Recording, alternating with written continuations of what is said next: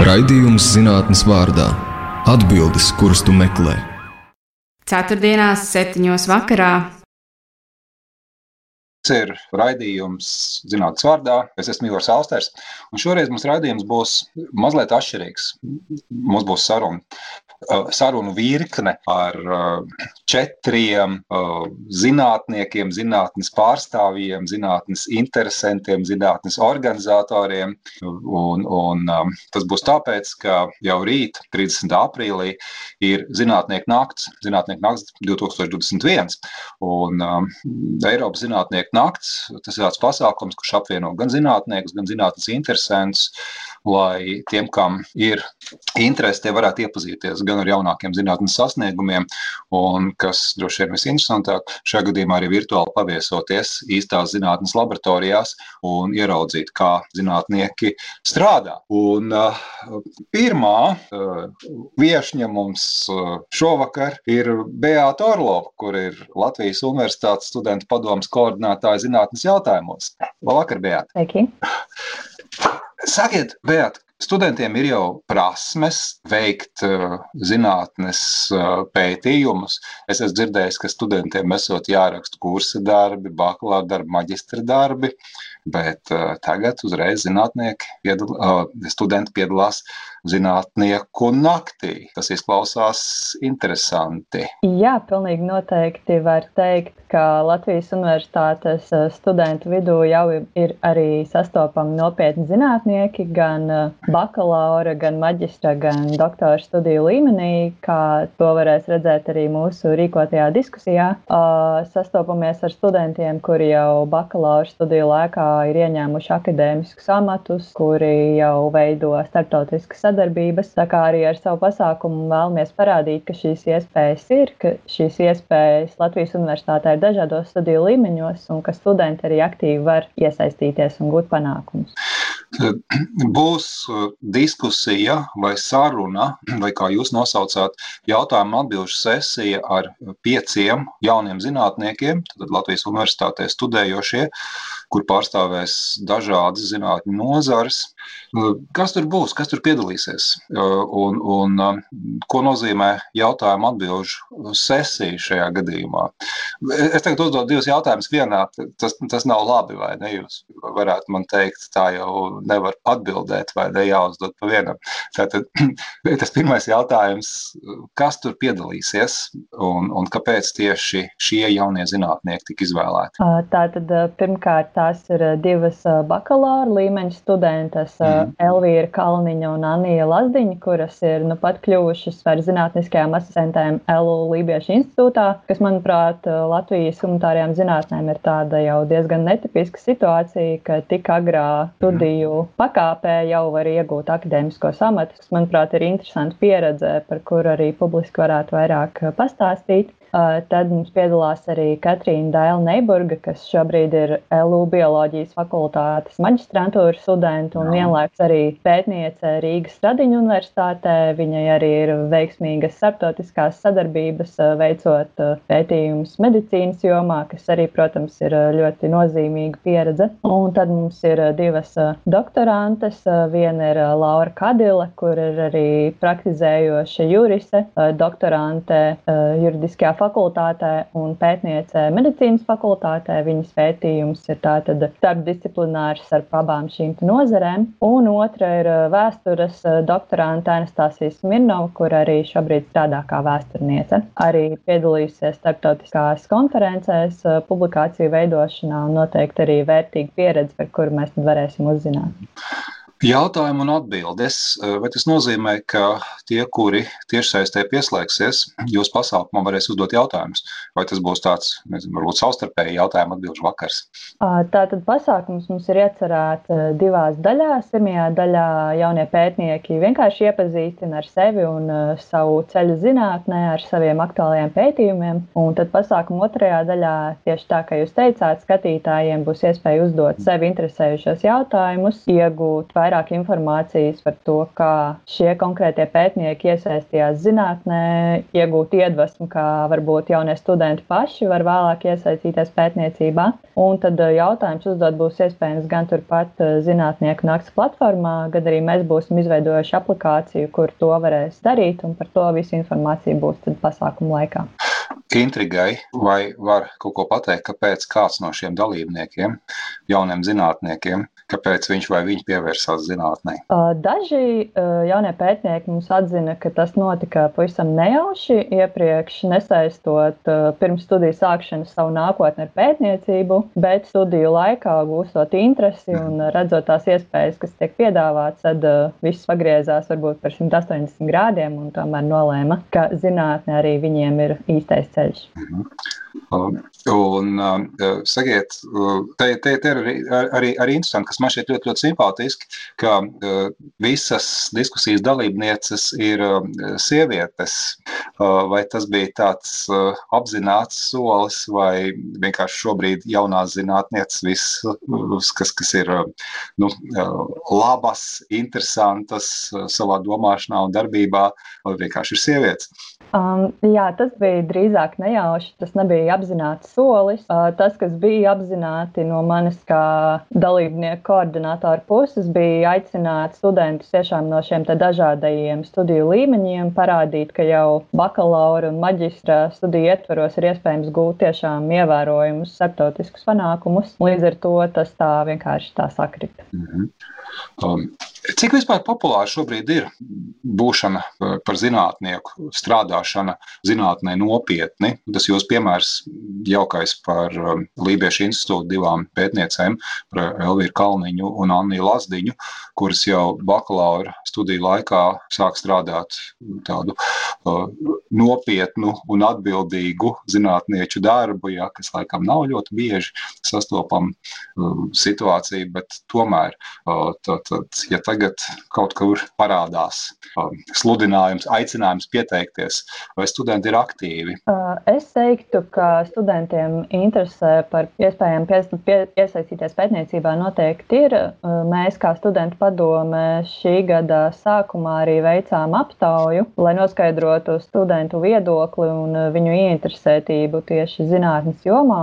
Vairums studentu norādīja, ka iespēja studiju laikā iesaistīties pētniecībā viņiem jautājumiem tiešām ir aktuāla. Tas jautājums droši vien ir, cik daudz šādu iespēju rodas, bet, ja iespējas ir, tad, manuprāt, studenti arī vēlas tās izmantot. Mm -hmm. Studiju, studiju laiks, ja, protams, ir diezgan garš, vai ne? Un, un, um, no, vien, no vienas puses, uh, tie ir bakalaura studenti, un, un tas uh, otrs uh, veids, kā domāt par studentiem, protams, tie ir doktoranti, vai ne? Un, un tur ir diezgan ilgs laiks starpā ar, ar, ar, ar pieredzes uzkrāšanu. Vai tie studenti, kur tikko sāk šo zinātnieku ceļu, vai viņu priekšstats mainās? gadiem ejot par to, kas ir zinātne, kāpēc ir interesanti būt par zinātnieku, kāpēc tas ir labs darbs. Vai jūs kaut ko tādu noskaidrojāt?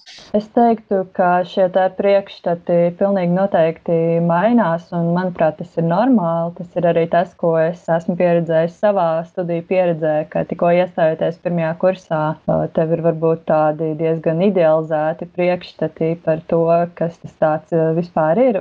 Tomēr, laikam, ejot gūsi to reālo pieredzi, kā ir veikt pētniecību. Bet, eh, ja tas ir tas, kas ir tavai sirdī tuvs, tad es domāju par spīti jebkādiem iespējamiem arī šķēršļiem vai kādām grūtībām, tad eh, palikt eh, pie tā, ko tu vēlēsies darīt. Un, manuprāt, ir arī pavisam normāli sākot pievērsties varbūt vienai zinātnes vai pētījuma tēmai un laika gaitā, savu studiju gaitā, varbūt saprast, ka tev interesē kaut kas pavisam cits. Un arī šajos vēlākajos posmos tad ir iespēja. Ja, ja no sākuma tās brilles ir rozā, es pieņemu pēc tā, ko jūs tagad stāstat. Kādā krāsā viņš ir pēc gadiem, trijiem, četriem? Nezinu, caurspīdīgs. caurspīdīgs. Skatās pasauli, kāda tā ir. Uh, jā, tātad Beata Orlova uh, ir mūsu uh, sarunu biedrene šobrīd. Mēs runājam par zinātnieku nakti 2021, un Beata ir Latvijas Universitātes studentu padomas koordinātāja zinātnes jautājumos. Un uh, viena no organizatoriem, vienam zinātnieku nakts pasākumam, kas būs rīt, tad jauno zinātnieku pieredzes stāstu un jautājumu un atbildžu sesija. Es varbūt piebildīšu, ka detalizētu informāciju par laikiem un iespējām skatīties un piedalīties aktīvi šajā notikumā var iegūt internetlapā zinātnieku nakts 2021.lv. Un, un, jā, Beat, varbūt vēl kāds aicinājums, kāpēc tad vajadzētu tiem, kas mūs klausās, pievienoties jūsu pasākumam rīt? Jā, tātad, kā jau tika minēts, tad būs vairāki šie aizraujošie pieredzes stāsti par to, kā ir iespējams uzsākt savu ceļu zinātnē.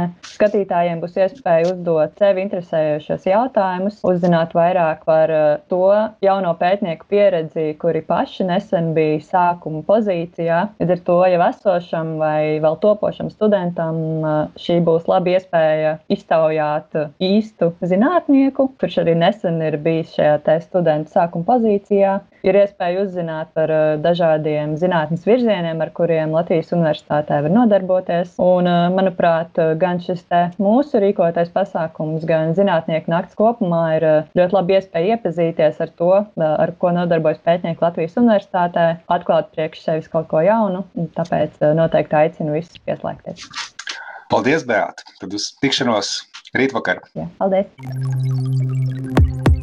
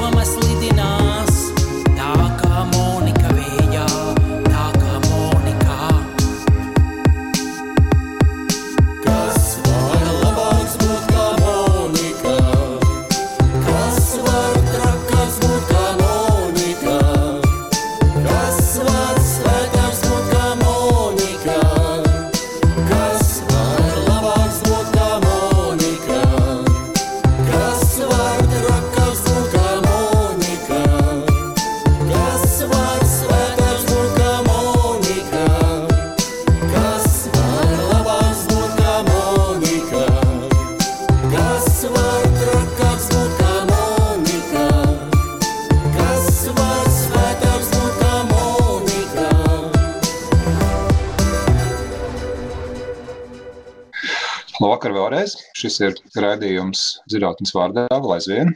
Un, kā jau es iepriekš minēju, mums šovakar ir tāds mazliet atšķirīgs raidījums, ka mums ir četri viesi. Un četri viesi ir tāpēc, ka rītvakar, 30. aprīlī, ir zinātnieku nakts 2021. Eiropas zinātnieku naktis. Tā ir tā, tas ir tāds pasākums, kurš apvieno zinātniekus un zinātnes interesantus, lai labāk varētu saprast gan to, ko zinātnieki dara, gan, kas varbūt īpaši interesanti, dot iespēju paviesoties īstās zinātnes laboratorijās un skatīt arī zinātnieku svaigā. Nu, šogad tas notiek uh, tiešsaistē, un uh, visiem interesantiem es ieteiktu doties uz uh, zinātnieku naktis 2021.lv mājaslapu, tātad, kur var arī aplūkot aplūkot detalizētāku notikumu programmu un arī saprast, kādā veidā var tiešsaistes formā pieslēgties šim pasākumam un nepalaist garām neko no tā, kas ir interesants. Vismaz pašam šķiet interesants, un interesanti notikumi būs daudz. Un viens no notikumiem, kas man šķita ļoti interesants, ir uh, Latvijas Universitātes Cietuvila fizikas institūta rīkotais pasākums, patiesībā pasākuma sērija. Un par to mums labāk šobrīd pastāstīs Līga Grīnberga. Līga ir Cietuvila fizikas institūta informācijas un komunikācijas daļas uh, uh, pārstāve šajā brīdī. Labvakar, Līga! Labvakar! Tad es, es no sākuma uzdošu tādu mazliet naivu jautājumu. Man vienmēr ir šķitis ļoti interesants, savā ziņā fascinējošs tas nosaukums - Cietvielu fizikas institūts. Ja? Kas ir fizika? Nu, labi, es neteikšu, ka es ļoti labi saprastu, kas ir fizika, ja? jo droši vien, pat paši fiziķi brīžiem varētu arī strīdēties, kas ir fizika un kas nav fizika. Bet cietvielu fizika. Kas tā ir? Kāpēc tāds nosaukums? Nu, Cietvielu fizikas institūts ir izveidojies izveidojies 1978. Eh, gadā, apvienojoties divām laboratorijām - pusvadītāju materiālu laboratorijai un uh, segneto elektriķu. Nu, un, ja jūs iedomājaties pusvadītājs, nu, tas ir tāds materiāls, kas ir ciets, mm silīcija materiāls vai ne? Un, un, un segneto elektriķi arī ir tādi keramiski materiāli, kas ir ciets. Nu, un tad beigās sanāca Cietvielu fizikas institūts. Uh, patiesībā sakot, nu, tad cietvielu fizikas. Tātad fizika ir nu, tā zinātne, kas pēta šīs cietās vielas. Nu, un, ja mēs tā drusku attējam no tās tā pamata definīcijas vai sākotnējā formulējuma, tad nu, cietas vielas ir tādas vielas, kuras ieņem kaut kādu noteiktu formu, kurām ir noteiktas uh, virsmas un malas. Uh, bet uh, Cietvielu fizikas institūts laika gaitā ir attīstījies, un šobrīd mēs pētām ne tikai pusvadītāju materiālus vai segneto materiālus, bet arī teiksim, dažādus mīkstākus materiālus, kas pēc definīcijas vēl joprojām ir cietas vielas, kā organiskie materiāli, tur oledu, piemēram, pētniecība vai uh, ūdeņraža uzkrāšana dažādos materiālos, un, un šobrīd arī notiek pētniecība, kā piemēram orgāni uz čipa, kas jau ir uh, bio. Ko tas, tas, ko tas nozīmē? Orgāni uz čipa.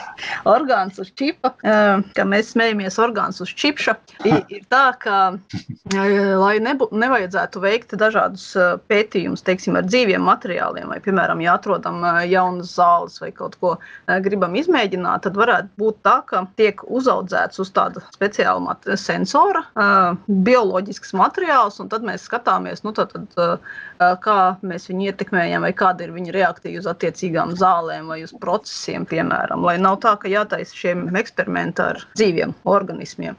Un jau šādiem čipšiem, jau čipiem var uzaudzēt, jau pieņemsim, nezinu, plaušu, nīri vai zarnu. Tad tas ļoti palīdzētu gan mediķiem saprast un izveidot zāles gan farmaceitiem, un savukārt fiziķi šeit ir nepieciešami, lai spētu nolasīt šos impulsus, jo nu, vairāk vai mazāk jebkāds impulss, kas ir ķermenī, tas ir tomēr tāds fizikāls, nu, elektrisks mm. impulss, kuru jau tad fiziķis spēja saprast, pārveidot un, un izskaidrot. Un tad, nu, Cietvielu fizikas institūts, tā teikt, ir saglabājis savu seno no, nosaukumu, bet tomēr mēs jau esam tādi uh, starpdisciplināri, un man šķiet, ka šobrīd, ja tu neesi starpdisciplinārs, tad tev ir ļoti grūti uh, sadarboties, atrast jaunus projektus un tā teikt, augt un pilnveidoties. Un, un, un rītvakar jums arī būs tēmas, kuras ir saistītas ar elektrību. Ja es pareizi saprotu, tas būs tāds caurvīs tēmas. Divas, viens būs par luminescenci un otrs par baterijām. Jā, e, jā tieši tā. Tas būs mums ir domāts tādiem mazajiem apmeklētājiem, jo, protams, ka Cietuvela fizikas institūts arī pēta uh, gaismas iedarbību un miedarbību ar dažādiem materiāliem, un, un tad, tad luminiscence, un šeit pie mums notiek pētījumi arī ar augšupu pārveidoto luminiscenci, un, uh, nu, teiksim, ir daudz un dažādi vārdi, un lai vieglāk tos varētu izprast, un pēc tam iespējams kādam uh, jaunietim tas šķistu interesanti, tad viņš varētu saistīt savu uh, tālāko karjeru ar, ar studijām fizikas jomā, vai arī ķīmijas jomā, vai materiālu zinātņu jomā, un pēc tam nāk strādāt uz Cietuvela fizikas institūtu. Tur mēs tā vienkāršāk cenšamies pastāstīt, kas tad ir šīs te, divas lietas - luminiscence un augšu pārveidotā luminiscence. Un otrs sižetiņš ir par baterijām. Tas ir, tā teikt, nu, visi jau zina, kas ir baterija, tad akumulators, enerģijas devējs, un kāpēc tad viņi būtu jāpēta, jo, jo tas, ko mēs gribam, lai mums telefoni, piemēram, strādātu pēc iespējas ilgāk, viņus nevajadzētu tik daudz, tik bieži arī uzlādēt, lai viņiem būtu lielāka jaudas ietilpība, mēs varētu skatīties filmas ilgi un, un, un, Mhm. un teiksim, elektroautomobīļi un, un, un, un vai litiju-ionu bateriju vietā vai jaudīgāks varētu būt cita materiāla baterijas. Tas viss arī notiek Cietuvela fizikas institūta laboratorijās. Mēs tos pētām un šeit būs arī tātad. Šai diskusijai būs īsts video un pievienosies enerģijas iegūšanas un uzkrāšanas materiāla laboratorijas vadītājs Gins Kučinskis, kas tad pastāstīs vairāk un arī tiešsaistē varēs atbildēt uz tiem jautājumiem, kas būs radušies. Jo viena lieta ir kā paklausīties, otra lieta ir padomāt līdzi, un tajā momentā, ka kaut kas nav saprotams, uzdot jautājumu. Un iespējams, ka pavērs pilnīgi citu pasauli, daudz interesantāka, un šķiet, ka nu, tas cietvielu fizikas institūts nav nemaz tik tāda sausa vieta, kur dzīvo tikai sausiņi. Um, varēs parunāt ar zinātniekiem, saprast, ka viņi arī ir cilvēki. Jā. Jā, tieši tā. Jums vēl viena liela tāda tēma būs par to, kas notiek Latvijas uh, zinātnē, inovāciju nozīmē, ja, ka būs viena tāda, nu, pēc uh, tā, kas šobrīd ir uzrakstīts, tāda jaudīga diskusija ar um, dalībniekiem, kuri šajā jomā arī uh, diezgan daudz ir izdarījuši. Ja? Tātad, vai Latvijai ir kāds veiksmes stāsts, ja? vai, vai Latvija ir augsto tehnoloģiju un inovāciju centrs pasaulē? Vai jūs varat Jā, arī jā. par šo kādu vārdu pateikt? Jā, tieši tā. Mums šķita interesanti, ka vajadzētu tomēr nu, tā plaši padiskutēt gan ar, ar jauniešiem, gan ar visiem Latvijas iedzīvotājiem par to, vai tā Latvija tomēr ir augsto tehnoloģiju un inovāciju centrs, vai tas tikai top, vai tāds jau ir bijis. Jo, ja jūs, ja jūs atceraties, teiksim, Minoks. Nu, lai varbūt tas arī nav bijis latviešu izgudrotājs, bet tas tomēr nācis no Latvijas, un tas jau ir ļoti, ļoti sens. Tad uh, man šķiet, ka būtu labi atgādināt cilvēkiem, ka nu, pietiek čīkstēt, bet vajag paskatīties arī uh, uz to, kas notiek, kas ir noticis. Nav jau tā, ka mēs tiešām būtu tā pēdējā jā, valsts pasaulē. Un, un, un šobrīd, manuprāt, arī ir ļoti daudz dažādu gan valsts atbalstītu instrumentu, gan, gan Eiropas komisijas atbalstītu uh, veidu, kā savas idejas uh, pārbaudīt, vai tās ir gana inovatīvas, mm -hmm. kā viņas var būt ieviestas dzīvē ar, ar papildu finansējumu, piesakoties dažādiem fondiem un gala beigās veidot jaunus Latvijas veiksmes stāstus. Teiksim, Jums jau ir piemēri arī tajā uh, aprakstā pasākumā, ja, ka ir uh, vairāk uzņēmumu Latvijā, kuri uh, dara uh, lietas, kas pasaulē ir ļoti nozīmīgas un kuras definē droši vien nozari, uh, kas, kas Latvijā nav pazīstama. Jā. Um, arī jā, man šeit tiešām gribētos pieminēt arī to pašu mūsu uh, groglāsu, jo ļoti daudzi jau tomēr nezina, uh, ka groglās, kas ražo šos antiatstarojošos stiklus, piemēram, ir, ir tik liels pasaules spēlētājs, ka gan uh, Lūvrā, gan uh, Holandē, gan daudz kur citur šie uh, muzeju, nu, tātad uh, dārgās gleznas un visādi eksponāti ir nosekti ar šo tieši Latvijā radītā uh, groglās uzņēmuma stikliem, kuriem nu, tas atstarošanās koeficients ir tik mazs, ka šķiet, ka šī stikla tur nav. Un, un, un, un tas man šķiet ir nu, tiešām ļoti svarīgi pazīt savējos. Kāpēc mēs viņus varbūt mazāk pazīstam Latvijā, jo mums nu, nav jau tik liels tas tirgus, lai to zinātu. Un,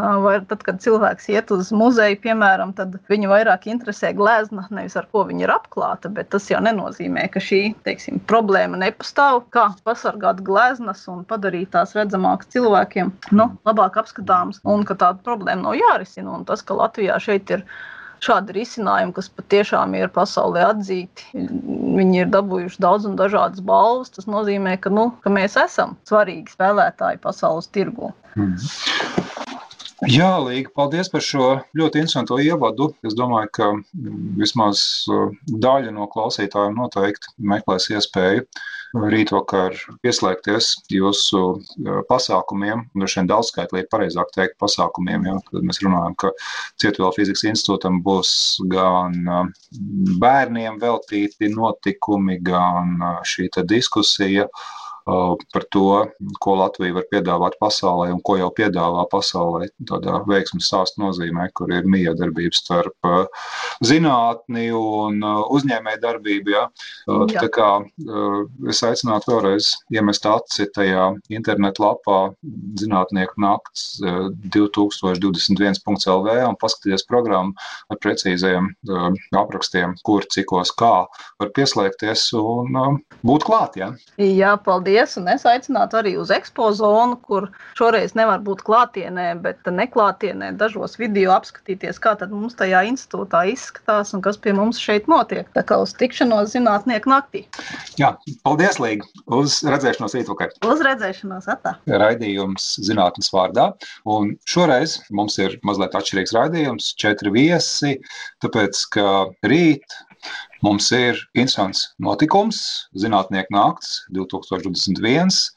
Pasākums, kurā zinātnieki tiekas ar zinātnes interesantiem, var parunāt, var uh, arī uzdot viens otram jautājumus. Un uh, viens no interesantiem, manuprāt, ļoti interesantiem pasākumiem kas ir paredzēts, ir um, Latvijas Universitātes Geogrāfijas un Zemes zinātņu fakultātes uh, estatais nu, pasākumu kopums, droši vien jāsaka tā.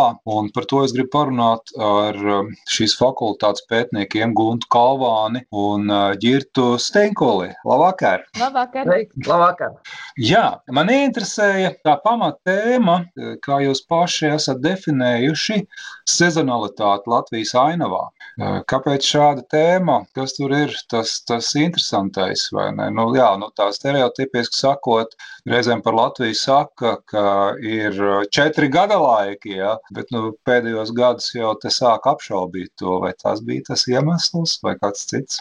Es jau piebildīšu, ka ne tikai četri gada laiki, bet mēs teikt, ka mums ir ziemas depresija, rudens sumjas un pavasara nogurums. Ja? Jā, jā, jā. Un, bet, bet runājot par sezonalitāti, mēs dzīvojam tādā fantastiskā laikā un, un vispār vietā, kur ir šīs sezonas un sezonu maiņas, bet klimata pārmaiņu rezultātā šīs robežas robežas starp sezonām ir eh, vai nu lēnām pazūd, vai nu arī pabīdās vai nu uz vienu, vai nu uz otru pusi. Un eh, zinātnē, kas to pēta, sauc fenoloģija. Mm. Un eh, tieši klimata pārmaiņas un fenoloģija ir iet roku rokā. Un fenoloģija ir tāds vieglākais, ērtākais veids, kā pierādīt, ka patiešām klimata pārmaiņas ir reāls un īstas. Mm -hmm. Un fenoloģija patiesībā ir sezonālās dabas noris, kā lapu laukšana, ziedēšana, arī rudens parādības, kā putnu migrācija. Tas, tas ir tas, ko, ko skolā savulaik arī minēja, fenoloģiskie novērojumi, jā, ar to ir saistīti. Jā, jā. Vai tagad to skolā māca, bet manā laikā mm, tāds uh, jēdziens bija, un reik, es vēl tagad atceros. Nu, fantastiski, bija ļoti labi skolotāji, un acīm redzot, tas bija ļoti interesanti, ja tas ir palicis atmiņā. Mm, jā, labi, par šito nestriedēsimies.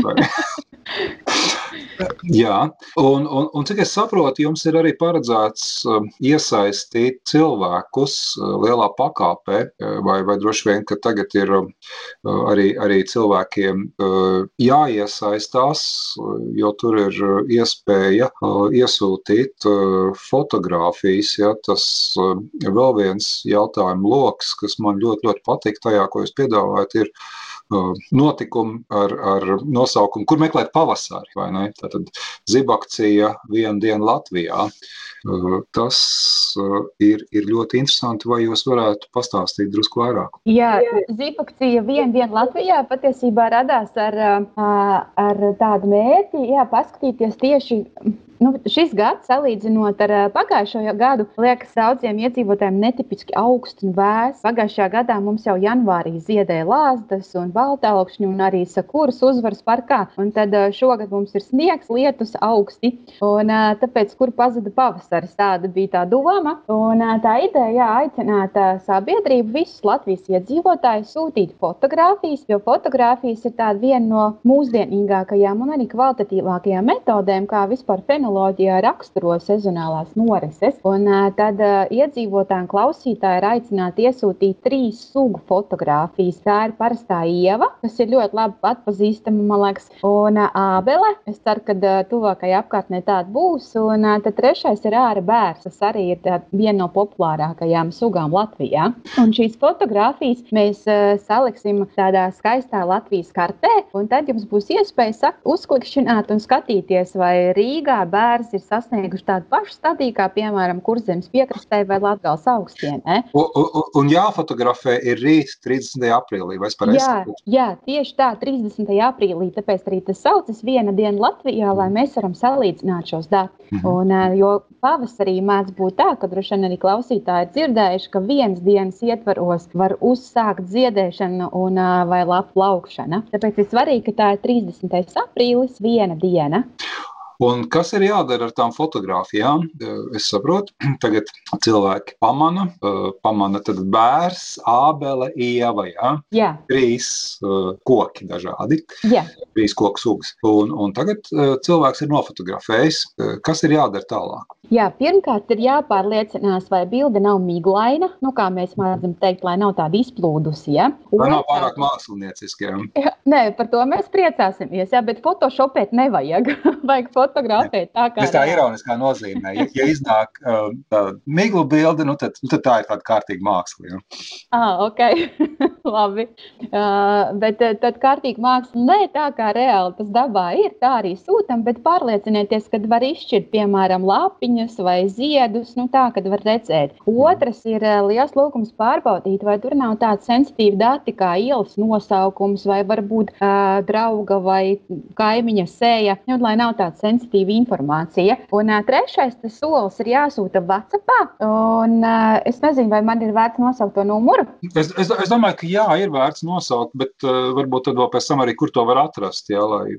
jā tad es saucu, tā kā loterijā, ja? 2, 8, 9. 95, 85, 38, vai arī var sūtīt to e-pastā gada laiki 2021, gmail.com. Bet visu var sameklēt uh, universitātes mājaslapā, vai arī mūsu fakultātes mājaslapā, vai sociālajos tīklos. Bet, ja nu kāds grib pierakstīt, varbūt vēlreiz guntu. Jā, to telefonu numuriņu, jā, saucu 28, 95, 85, 38. Tātad, ja jūs nofotografējat un būtu lieliski, ja jūs to izdarītu, tad sūtat šīs fotogrāfijas uz tikko dzirdēto telefona numuru WhatsApp, WhatsApp aplikācijā. Jā, lietotnē. Lietotnē, atvainojiet, lietotnē, pareizi. Tas taču kā, kā es tev varēju pateikt. Labi. Uh, un, un, uh, vai tur vēl kaut kāda papildus informācija vajadzīga, kur vai, vai tas tiks paņemts no pašas fotografijas? Būtu jauki, ja jūs norādītu pasta indeksu. Mm -hmm. Jo nu, tas atkal ir datu aizsardzība. Mēs neesam tiesīgi prasīt konkrētas lokalizācijas, bet, protams, ja, ja jūs vēlētos, mēs ļoti priecātos, ja padalītos arī ar tādu konkrētāku, ja, kurā ielā vai, vai kurā pagastā tas atrodas. Bet, bet, bet īstenībā, ja aizsūt fotografiju, tad jau tā fotografija vairumā gadījumu satur koordinātus, kur tā ir uzņemta. Jā, bet uh, mēs esam apsolījuši to nepubliskot, vai ne? Jums jau nevajag publiskot, nu jā, vienkārši ielikt. Jā, jā. jā bet, labi, labi. Jā, bet tāda oficiāla, ko mums no jums vajadzētu, ir šī fotografija. Nevis vajadzētu, bet ko mēs būtu pateicīgi, ja jūs atsūtītu jā, fotografiju, arī tad pasta indeksu. Jā, tas ir tuvi, tuvināti jūsu atrašanās vietai. Tā, tā, tā, tā ir viena, viena tēma. Es ceru uz lielu atsaucību. Es pats arī mēģināšu aizsūtīt kāda Es, fotografija. Jā, man tagad jāievāc uh, pasta indeks, lai es zinu, vai tiks solījums izpildīts. Jā, uh, labi, labi, to pēc Es nezinu, kur es būšu, bet uh, es parasti esmu pārdaugavā, un tur ir divi pasta indeksi, iespējams 10.04 vai 10.83. Jā. sarunāts, tad es tur pie vārda. Un es jau gribēju teikt, ka tā ir ne tikai tāda, kad mēs analizējam kādas reģionālās atšķirības Latvijā, bet mums ir arī izstrādāts fenoloģiskais modelis, kas prognoz, ir prognozējis, kā varētu būt, kāda varētu būt attīstība šiem nosauktajiem, ā, nosauktajām sugām. Un ā, šīs fotogrāfijas arī mums palīdzēs ā, notestēt, cik precīzs ir šis modelis. Ja? Un, tā kā tam ir vēl viena ļoti svarīga nozīme zinātniekiem, tad mēs arī testēsim šādus modeļus fenoloģiskos. Ļ- Ļoti uh, cerams, uh, interesanti rezultāti gaidām. Uh, Ģērbs, varbūt jums vēl kaut kas piebil piebilstams. Eh, Jā, eh, paldies Guntai par ļoti interesantu stāstījumu. Eh, Man ir tāda sajūta, ka Guntas vadītais pasākums varētu izraisīt vislielāko interesi saistībā ar mūsu fakultāti, bet vēl ir četras aktivitātes bez tam par polārpētnieciskajām ekspedīcijām, kur tiks demonstrēti video no reālām šīm ekspedīcijām Svalbārā, Islandē, Antarktīdā. Tad vēl viena tēma ir par karšu pārlūka izmantošanu geogrāfijā, par dronu pielietojumu arī mūsdienu pētījumos, geozinātnēs. Tad arī vidas zinātnes jomā būs demonstrācijas par augsnēm, cik es saprotu, ir uzņemtas filmas reāli dabā, kas parāda dažādu augšņu atšķirības, mm, par metodēm, ko pielieto eh, vidas zinātnes pētījumos. Un uh, es arī demonstrēšu dažus video par to, ko var izmērīt, eh, ko var noteikt Devonas milšakmeņu atsegumos. Eh, Cilvēki aicināti braukt dabā, pētīt, palūkoties varbūt ar geologa acīm uz šiem smilšakmeņiem, un kā no tādām mazām, it kā nesvarīgām detaļām var salikt kopā arī lielāku bildi, spriest par apstākļiem, kas bija Devona periodā Latvijas teritorijā. Paldies! Es jums teikšu abiem diviem paldies. Mēs nevaram atļauties uh, ļoti garas sarunas. Uh, Pēc šī te ievada man droši vien radīsies vēlēšanās kādu garāku sarunu ar jums norganizēt, ja jūs piekristu. Ja? Jo, Ar lielāko prieku. gatavs. Paldies, tagad tā. Tagad jū- jūs sakiet man, mēs jūs turēsim pie vārda, ja nekas cits neatliks. Mēs jūs turēsim pie vārda, nekas cits neatliks. Es no savas puses varu teikt paldies ar prieku.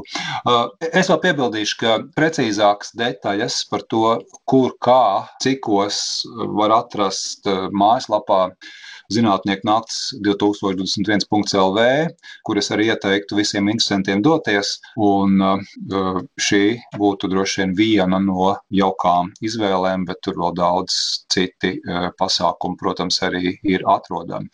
Es teikšu paldies uh, šā brīža viesiem un tā Kalvāniem, Kalvānei un Andim Girtam Stinkulim atvainojiet no Geogrāfijas un Zemzinātņu fakultātes no Latvijas universitātes un um, uz tikšanos rīt. Jā, uz Uz tikšanos. tikšanos. Visu labu. Paldies! Veiksmīgi! Visu labu! Paldies!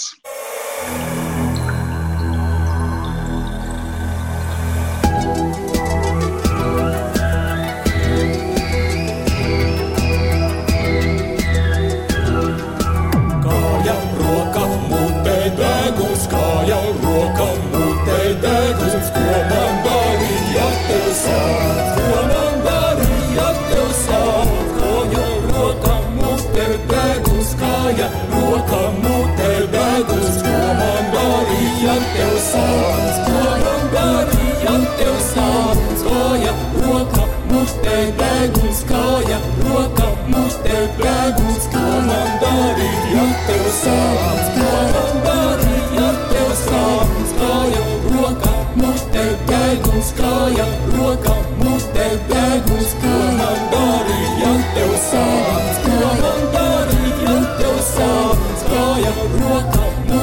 deguns, kāja, roka, mutē, deguns, ko man darīja tev sāp, ko man darīja tev sāp, kāja, roka, mutē, deguns, kāja, roka, mutē, deguns, ko man darīja tev sāp, ko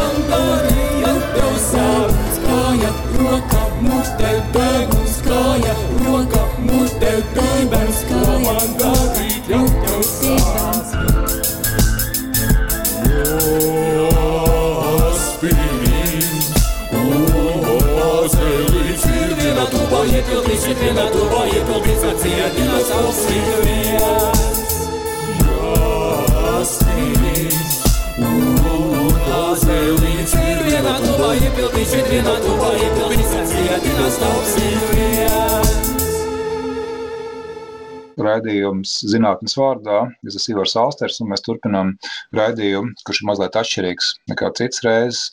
Sarunājamies ar četriem pētniekiem vai pētnieku grupām. Tas tāpēc, ka rīt būs zinātnieku nakts 2021, kas ir pasākums, kurā visi, kam interesē zinātne, var patērzēt ar zinātniekiem, var ieskatīties viņu laboratorijās. Un šoreiz tas viss notiks tiešsaistē. Un ceturtais viesis šovakar pie mums studijā ir Miķels Grīviņš no Baltic Studies Center, vadošais pētnieks. Sveiks, Miķel! Sveiks, Ivar!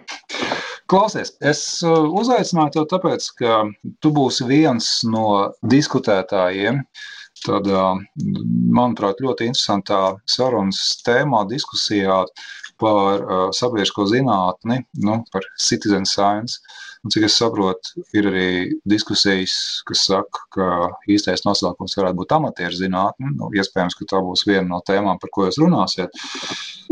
Bet es tev gribu pavaicāt, kas, kas tā sabiedriskā zinātne tāda ir vai amatieru zinātne, jo nu, šodien pirmā saruna man bija par studentu zinātni. Ja. Nu, labi, var vēl saprast. Ja. Jauni cilvēki, kur mācās, vēl nav dabūjuši grādus, bet jau veic nopietnas zinātniskas pētījumus. Bet kas ir tā sabiedriskā zinātne? Kā, nu, vienas atbildes es teiktu, ka īsti nav.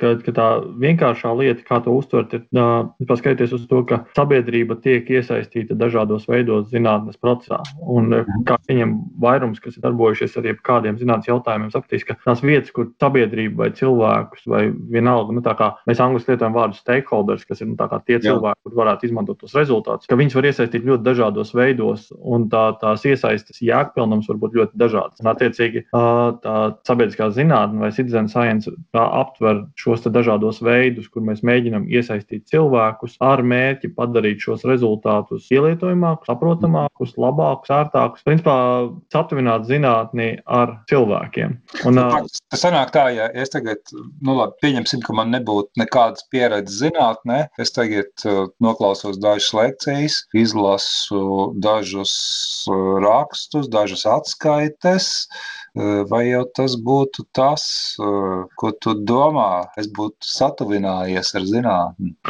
Nu, tu būtu satuvinājies ar zinātni, bet tas nebūtu gluži tas, ko es domāju.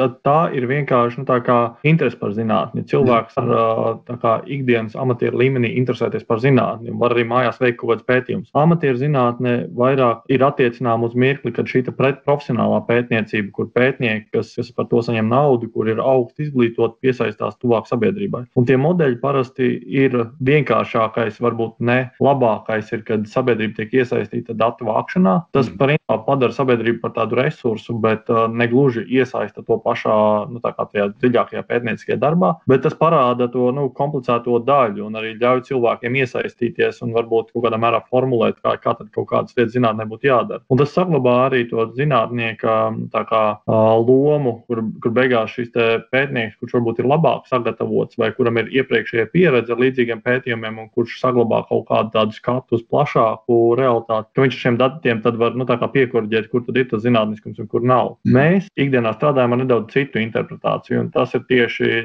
cik mēs strādājam ar to, lai padarītu rezultātus pielietojamākus. Un uh, tas, kā tas praktiski notiek, ir tas, ka uh, mēs principā mēģinām uzrunāt uh, tos tā saucamos stakeholderus, un ar stakeholderiem kopā jau sākumā formulēt, kas tad konkrēti šai grupai ar cilvēkiem ir svarīgs un ka, kas ir tā, tās grupas izaicinājumi. Un tas zemteksta iemesls, kāpēc mēs tā darām, ir tas, mēs pieņemam, ka ja šie pētījumi ies tuvāk sabiedrībai un skaidrāk reflektēs par lokālās kopienas interesēm, tad uh, ir lielāka iespēja, ka šī grupa arī vēlāk izvēlēsies darboties ar šiem rezultātiem, pati uzturēs, varbūt, lai tie pētījumi turpina dzīvot tad, kad viņi ir beigušies. Un, principā, tā galvenā doma ir, ka rezultāts vai impakts būs daudz sološāks. Mm -hmm. Tev ir pieredze, cik es saprotu, tādā projektā, kuram ļoti poetisks nosaukums - dzīvās prakses laboratorija. Ko jūs tur darījāt?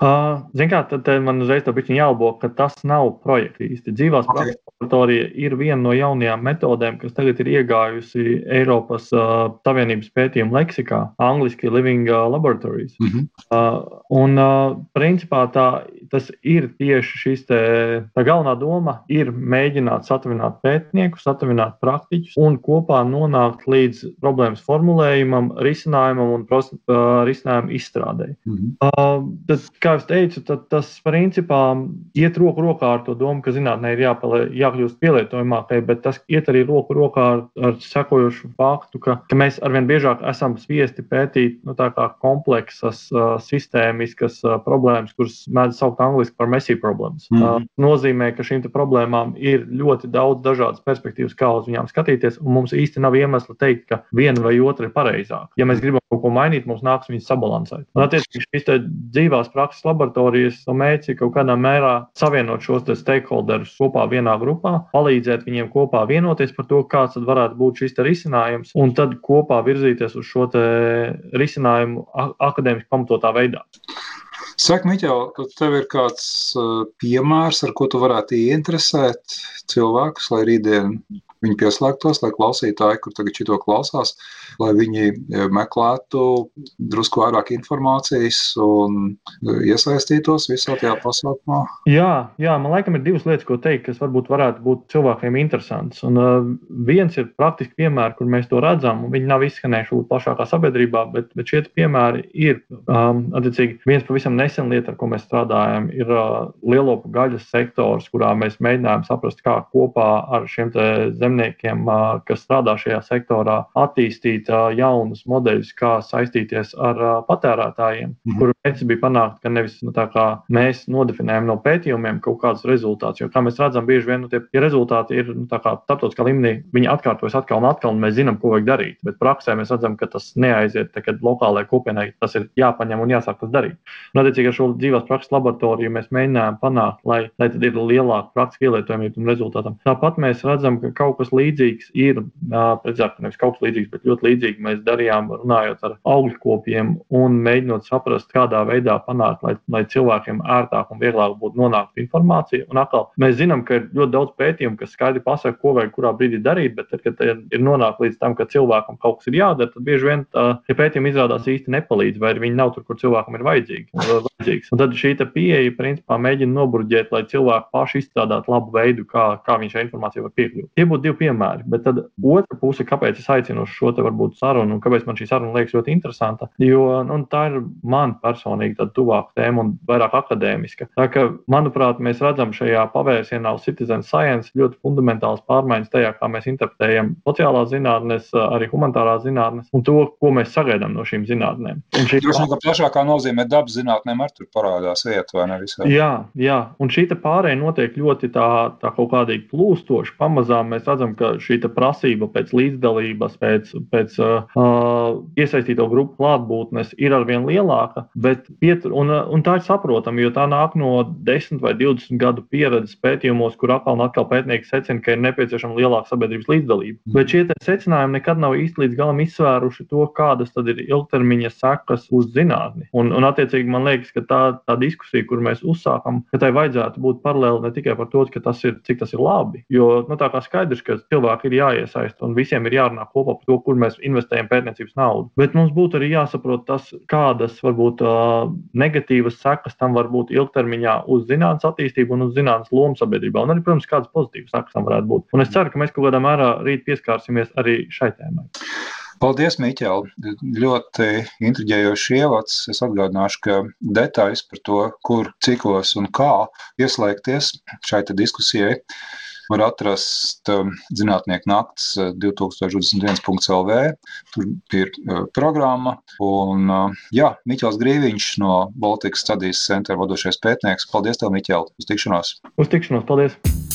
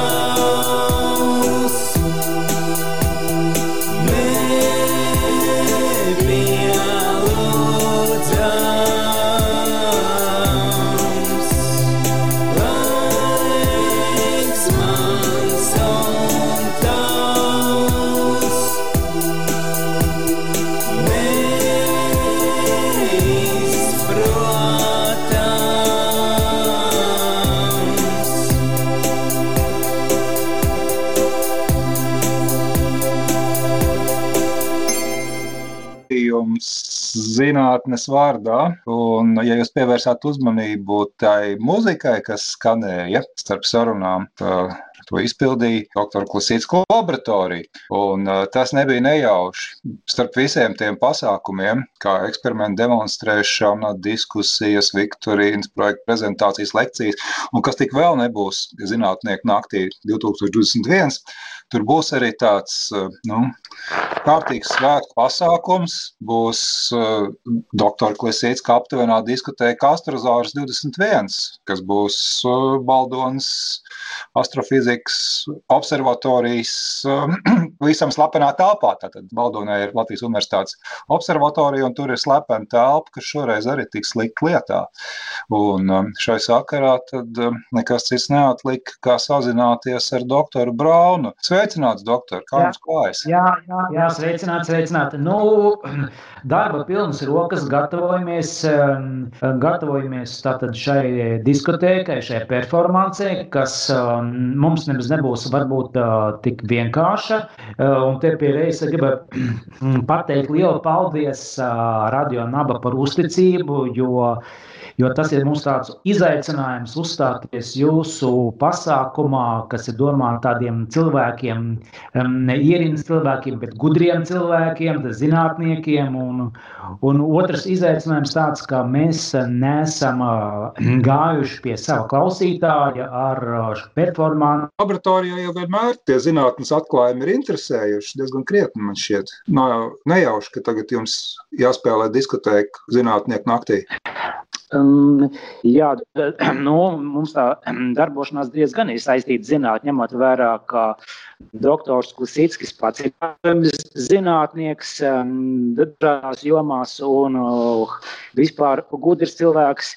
Un, un, un mūsu darbošanās laboratorijā zināmā mērā to, ka mūs ne tikai pašus interesē zinātnē, bet arī mēs cenšamies kaut ko atklāt, kaut ko atklāt gan, gan vairāk droši vien muzikālajā lauciņā un kādā nezinu, lietās, kas ir saistītas ar muzikālo performanci. Nu, jums jau tagad arī būs tā dziedinošā dimensija, ja tā var teikt, šajā diskotēkā. Uh, jā, dziedinošā dimensija, to mēs cenšamies uh, katru reizi iekļaut. Um, te, te mums uh, um, doktors uh, Klisītskis, tātad uh, viņam ir zināšanas uh, par uh, tālo frekvenču radīšanu. Uh, parasti jau mēs tā kā sakam, lūk, mēs tur dziedinam tur no sarkanu guļas, no splīna. Un tagad gan mums ir liels pieprasījums, ka vēlētos, lai dziedina no Covid. Nu, bet, bet mēs pagaidām pie, strādājam pie šīs problēmas. Pagaidām šī problēma nav mums atrisināta. Es teikšu paldies jums, doktor Braun, par, par, par sarunu. Izskatās, ka visi tie 3G, 4G vai jums jau droši vien 5G kaut kā ļoti labi nestrādā, ka visas tās frekvences kaut kā neturās kopā. Bet uh, paldies par sarunu. Tad rītvakar, ja 11. un uh, precīzi saiti var atrast tāpat kā visas citas lietas par zinātnieku nakti. Tajā mājaslapā zinātnieku nakts 2021.lv. Tad uz tikšanos rītvakar, doktor. Ja? Jā, jā, paldies. Raidījums zinātnes vārdā ir to arī šoreiz beidzis. Paldies par klausīšanos. Cerams, ka jums radās pietiekami liela interese par zinātnieku nakti, kas būs rīt.